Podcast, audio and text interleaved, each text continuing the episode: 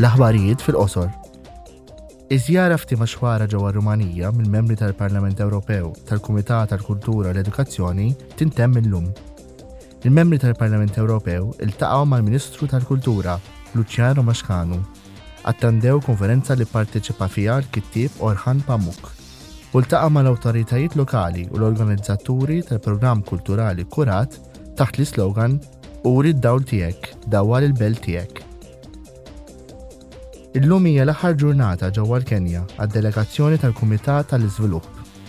Il-Kenja hija sieħba ekonomika u politika importanti għall-Unjoni Ewropea.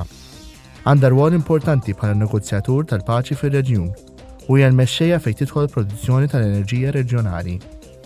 Il-Kenja taffeċċa wkoll numru ta' sfidi, miljun tifel u tifla taħt il-ħames snin nieqsa mill-ikel L-għan tad-delegazzjoni huwa li teżamina mill-ġdid il-portafoll tal-iżvilupp tal-Unjoni Ewropea fil-pajjiż.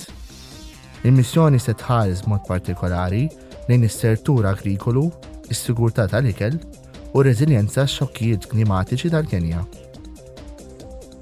Delegazzjoni tal-Kumitat għas-Suq Intern u l-Ħarsien tal-Konsumatur tinsab f'Singapore.